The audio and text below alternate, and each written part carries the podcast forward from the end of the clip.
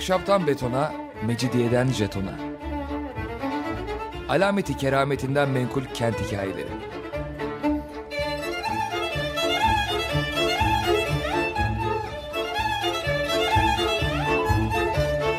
Hazırlayan ve sunan Pınar Erkan.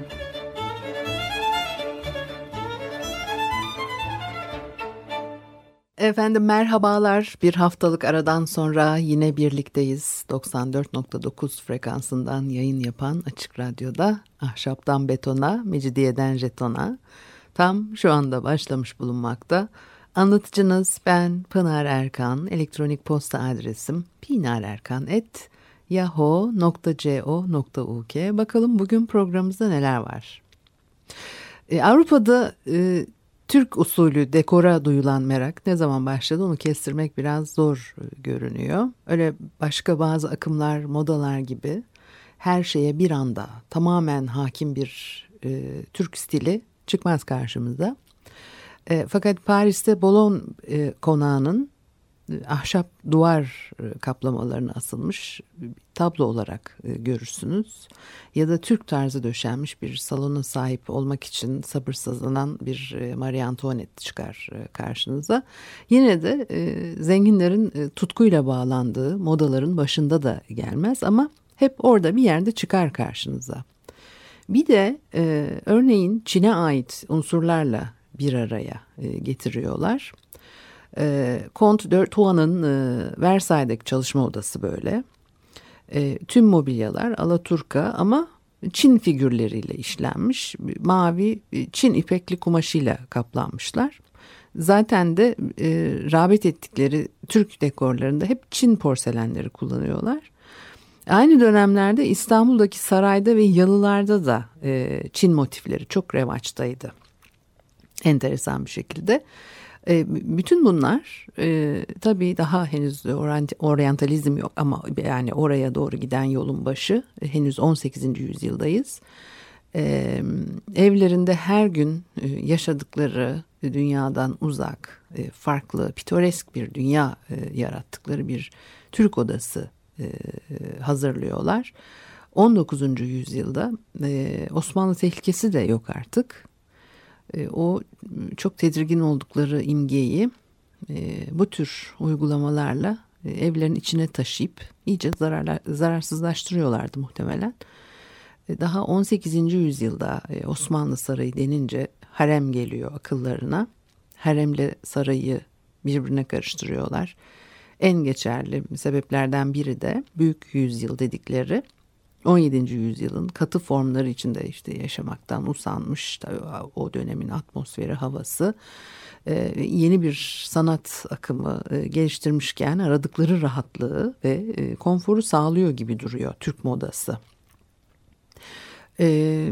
Doğu çadırlarını hatırlatan bol bonkör zengin perdeler, divanlar, şezlonglar, otoman dedikleri divanlar, sofalar veya sultanalar, e, yumuşacık, e, kabarık yastık ve minder bolluğu, e, kalın yün halılar hep karşımıza çıkıyor.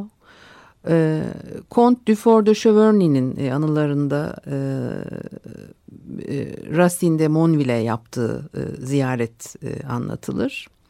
Comte Cheverny e, Versailles Sarayı'na gelen sefirlere eşlik eden ve e, teşrifatı yöneten kişi. E, Racine de Türk modasına çok meraklıymış. Türk salonu aynalarla doluydu. Ee, hiç pencere yoktu. Gün ışığı tepedeki camlardan giriyordu içeri. Çok zevkli, çıkma bir parmaklık. Çok kalın bir Türk halısıyla süslenmiş salonun tepesinden bakıyordu. Çevrede kırmızı kadifeden sırma püskülü bir divan vardı. Hiç ahşap kullanılmamıştı. Onun yerine şilte üzerine İtalyan tahtasından bol miktarda kalın minderler sıralanmıştı. Bunları isteğinize göre yerleştirip daha yüksek bir oturacak yer yapabiliyor, sırtınızı ve kollarınızı dayayabiliyordunuz. Dipte daha da gösterişli bir divan duruyordu. Bu nefis salonun kapıları salonun biçimini devam ettiren geçmelerle kapatılıyordu. Duvardaki gizli bir kol hafifçe itilince inanılmaz bir hızla açılıyordu diye e, anlatıyor. E, Türkçeden geçen kelimelerle, örneklerle karşılaşırız. Otoman divan bunlardan biri. 17. E, yüzyılın sonlarından itibaren e, sözlük yazarları bu kelimeleri sözlüklere kaydetmeye başlamışlar. François de Callier Mu à la mode yani moda kelimeler adlı eserinde kanepeyi Türk usulü bir divan olarak tanımlıyor. 1692 e, tarihlidir e, bu kaynak. E, Antoine Fertier 1690'da evrensel sözlük isimli bu sefer başka bir çalışma yapmış. Yine böyle tanımlıyor divan, kanepe kelimesini. Kelimenin çok yeni olduğunu belirtiyor. Bazıları ona sofa da der diye ekliyor. Bu çok doğru değil yani. Başka bir sözlük yazarı sofayı başka türlü anlatıyor. Türklerin üzerine minder koyup oturdukları yükselti diye tarif ediyor sofayı 1680'de. O daha bilgiliymiş demek ki. Biraz daha içeriden e, bilgi edinmiş. Sonra e, hepsine bir Türk adı ekliyorlar ve açıklık kazanmış oluyor mobilyalar bu şekilde. E, normalde lead alkov e, denen üç arkalıklı yatağa Osmanlı yatağı denmeye başlanıyor. E, Lead alko dediği o duvardaki bir nişe e, yerleştirilmek üzere yapılmış bir tür yatak e, aslında. 1788'de Saint Cloud şatosunda Türk usulü divan şato envanterine kaydedilmiş. Başı yuvarlak, ayak ucu da yuvarlak türde bir yatak bu. Ve meşhur bir marangoz var. Jean Baptiste de Claude Sonny o tasarlayıp üretiyor bu yatağı. E, çift arkalıklı sultane adıyla e, teslim etmiş müşteriye. Dolayısıyla e, yatakların başı ve ayak ucu yuvarlak olursa işte koltuğun sırtı yuvarlak olursa alatürka deniyor. E, koltuk veya e, berjer e, bunlar. Yataklar içinse e, sultane hatta e, turkoz e, deniyor.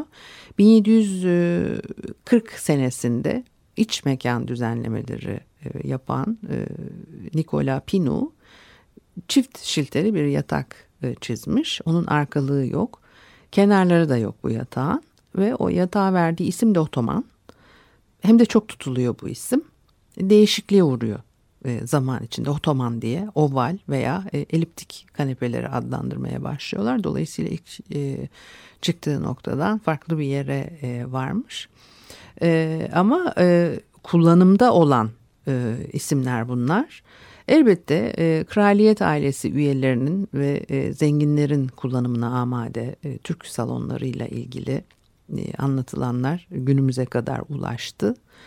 Çin veya Türk havasından e, esinlenilmiş e, egzotik düzenlemeler, e, salon veya bir iki odayla sınırlı kalıyordu. Çünkü böyle bir de anlayış gelişmiş. O esinlemeleri tüm odalara veya mobilyaların tamamına yayanlar sonradan görmedir filan diye. E, hiçbir konağın, şatonun iç dekorasyonu tamamen Türk tarzında düzenlenmiyor.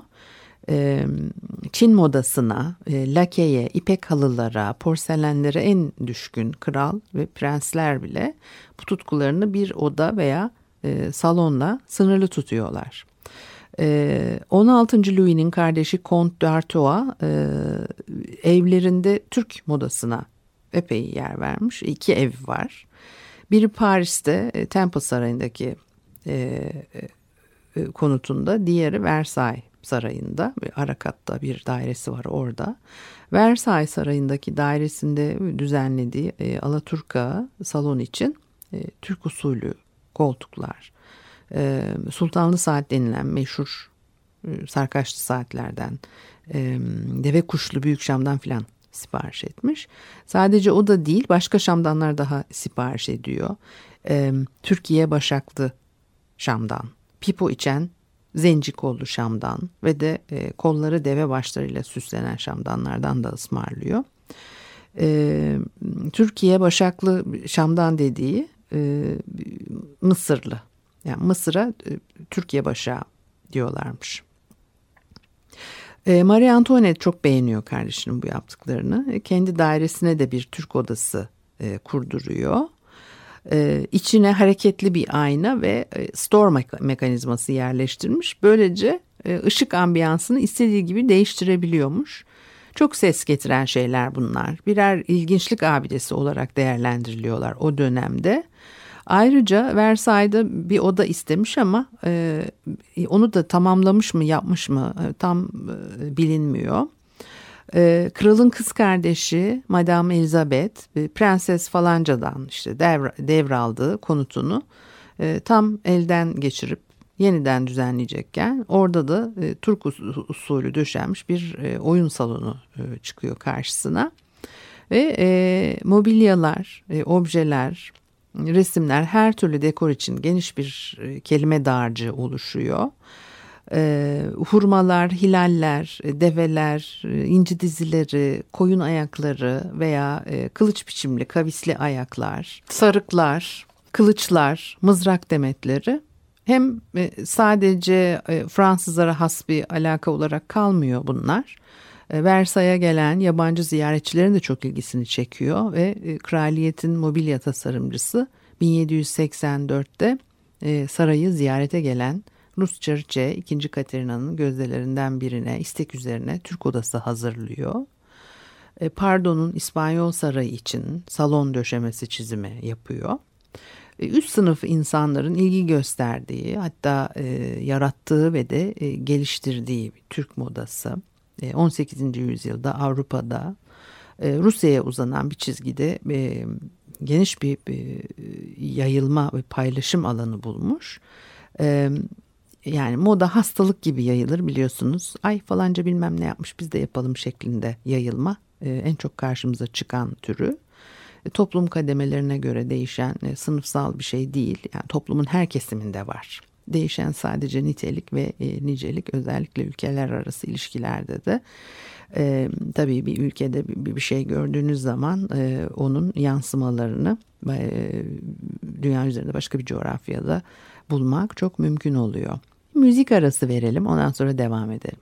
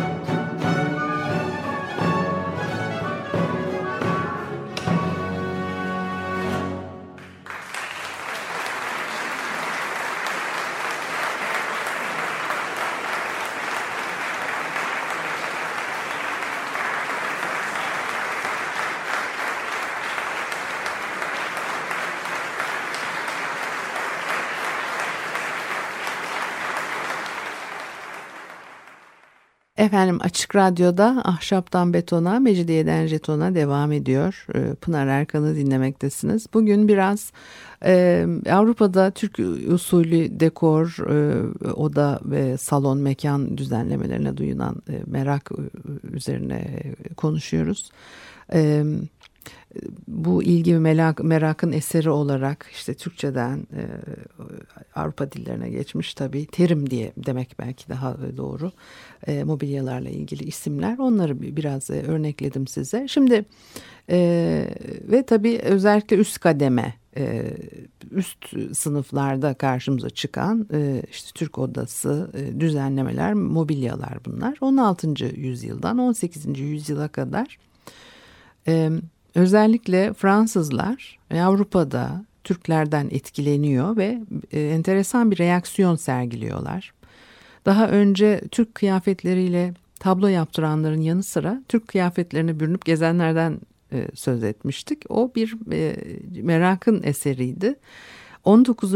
yüzyıla yaklaştıkça atmosfer değişiyor, gelişiyor. Osmanlı'nın gücünü yitirmeye başladığı bilinmez değil. Osmanlı gücünü yitirdikçe merak da artıyor. E, Türkleri tanıma merakı. Fakat e, sultanın Avrupa'da yaşayan kayda değer bir tebaası yok. Avrupa'da ticaret için bulunan Türklerin sayısı ancak 1732'den e, 100 yıl sonra bir mezarlık edecek kadar artıyor. Ee, e, burada tabi biraz tuhaf bir cümle oldu. Şöyle açıklamalıyım. 1732 senesinde Osmanlı Devleti Trieste tüccarlar için bir e, konsolosluk gibi bir yer açıyor. Dolayısıyla artık Türklerin Avrupa'da başları sıkıştığında e, yardım alabilecekleri bir yerleri var. Yani bu konsolosluktan ziyade böyle bir merkez gibi işte o Türklerin de toplandığı bir yer. Bir yüzyıl geçtikten sonra ihtiyaçtan dolayı bir arazi alınıyor ve bunu Türk mezarlığı yapıyorlar. Bir yüzyıl çok uzun süre düşünsenize yani bir yüzyılda devlet kuruluyor, devlet yıkılıyor. Şimdi o 19. yüzyılda e, Abdülaziz e, Avrupa'ya gittiğinde e, e, yarattığı etkiyi hatırlarsınız. Avrupalılar biraz e, hayal kırıklığına uğruyorlar. Çünkü Abdülaziz'i e, o başındaki kendine hasfesine e, karşın e, arzu ettikleri ölçüde oryantal bulmuyorlar hayal ettikleri gibi değil kafalarında e, oluşturdukları imgeyle örtüşmedi Osmanlı Sultanı. Son derece batılı bir Osmanlı Sultanı ile karşı karşıya kaldılar. Her ne kadar diğerlerine kıyasla daha Alaturka olsa da müthiş bir moda yaratıyor orada Abdülaziz. E, tabii batıda kafalarda bir e, Türk imgesi var. E, fakat Türkleri tanımıyorlar. E, bundan önceki yüzyıllarda e, Kara Mehmet Paşa 300 kişilik mahiyetiyle bir Viyana ziyareti e, gerçekleştiriyor 1665'te. Veya İbrahim Paşa yine Viyana'ya 740 kişilik bir ekiple gidiyor.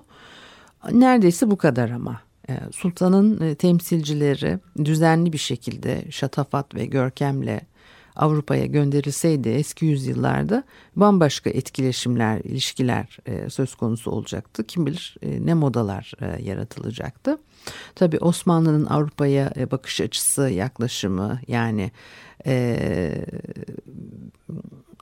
başka türlü hani bunu söylüyoruz ama hiç öyle bir kaygısı düşüncesi tabii ki yok Osmanlı'nın.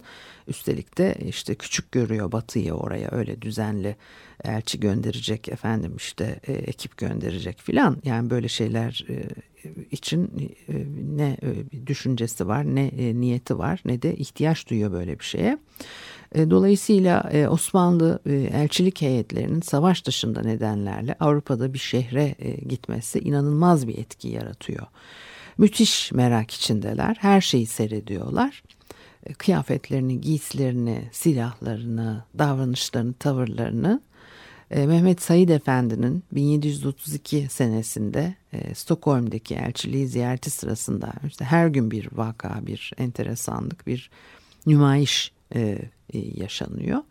Ve 1763'te Sultan'ın elçisinin Berlin'de 6 ay e, süren ziyareti benzer heyecanlar e, yaratmıştır. Hatta 2. Friedrich e, bu duruma alaylı bir yorum yapar kendi halkı için. Şu anda Berlin'deki en gözde moda hurma yemek, züppeler başlarına sarık takacak ve daha zengin olanlar da kendilerine harem kuracaklar. Bu yenilik büyüsü benim budala yurttaşlarımdan birinin sünnet olmasına yol açmazsa çok şaşıracağım doğrusu diyor. Ee, e, bu kadar e, olağan dışı bir şeyin yani e, Osmanlı heyetinin Avrupa ziyaretleri elbette yazarların, e, sanatçıların hayal gücünü e, kışkırttı. Süleyman Ağa'nın 14. E, Louis'i sarayında elçi olarak ziyareti e, biliyorsunuz o çok meşhurdur bir e, fecaattir. E, Molière'in Kibarlık Budalası adlı eserindeki Türk sahnesini e, yaratmıştır. E, bu bizim için en bilindik örneklerden biri. Daha az bilinenler o elçilik ziyaretleri sırasında veya sonrasında esinlenilen tablolar veya bestelenen Türk konçertosu gibi eserler. Avrupa'da e, Türk askeri de yok elbette de. Niye olsun? Yani e, savaş zamanıysa var ancak. E, fakat e, bazı Avrupalı krallar e, Türk muhafız kıtaları bulunduruyorlar. Bununla övünüyorlar.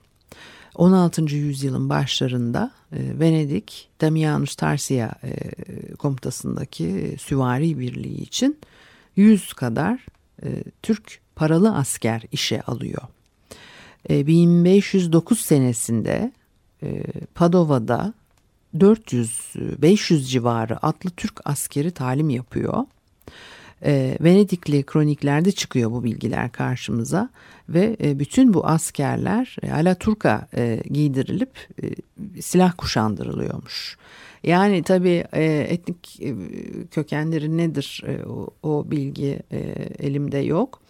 E, ama e, en nihayetinde e, talimi ve kılık kıyafeti ona göre uydurmuşlar. Şimdi ordunun bir parçası olduğuna göre ona göre de bir ciddiyet olması gerek diye e, düşünüyor insan. Tabii çok e, ilginç. E, 15. Louis döneminde Mareşal von e, Zaksen meşhur Fransa'ya hizmet etmiş bir e, Alman askeri.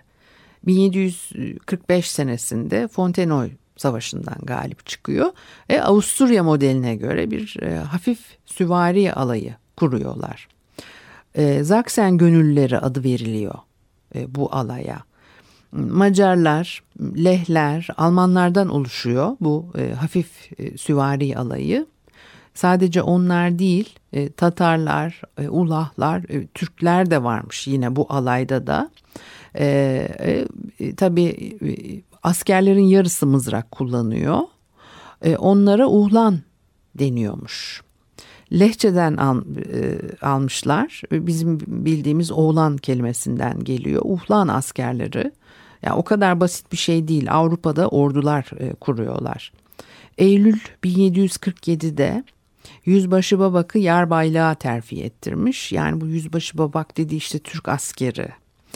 Ee, sanıyorum koyu Hristiyan majestelerinin hizmetindeki ilk Müslüman yarbay olacak e, diyor Yüzbaşı Babak için. E, 18. Yüzyıl, yüzyılın ortası başarılı bir komutan olduğu için Zaksen e, o aralar bir e, Hollanda seferinden dönüyor. Hizmetlerinden dolayı bir şato arazisiyle ödüllendirilmiş. E, almış Zaksen gönüllüsü Türk askerlerini gitmiş oturmuş şatoya e, ciddi sıkıntı yaratıyor alay e, köylüler arasında. E, çok egzantrik bir adam olarak e, biliniyor Mareşal fakat işte e, e, askerleriyle orada e, yaşamaya devam etmiş 1750'ye kadar. 1750 senesinde öldükten sonra e, o kurduğu alay e, dağılıyor ve albay rütbesine yükselttiği Türk askeri de e, güzel bir emekli maaşıyla İstanbul'a geri dönüyor. Efendim e, bu haftalık da bu kadar olsun. Elektronik posta adresim pinarerkan.yahoo.co.uk Haftaya görüşene kadar Allah'a ısmarladık.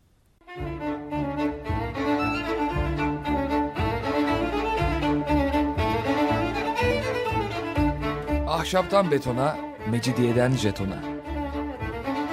Alameti kerametinden menkul kent hikayeleri.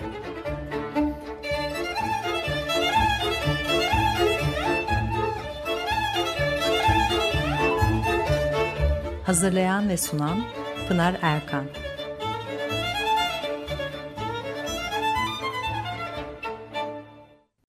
Açık Radyo program destekçisi olun. Bir veya daha fazla programa destek olmak için 212 alan koduyla 343 41 41.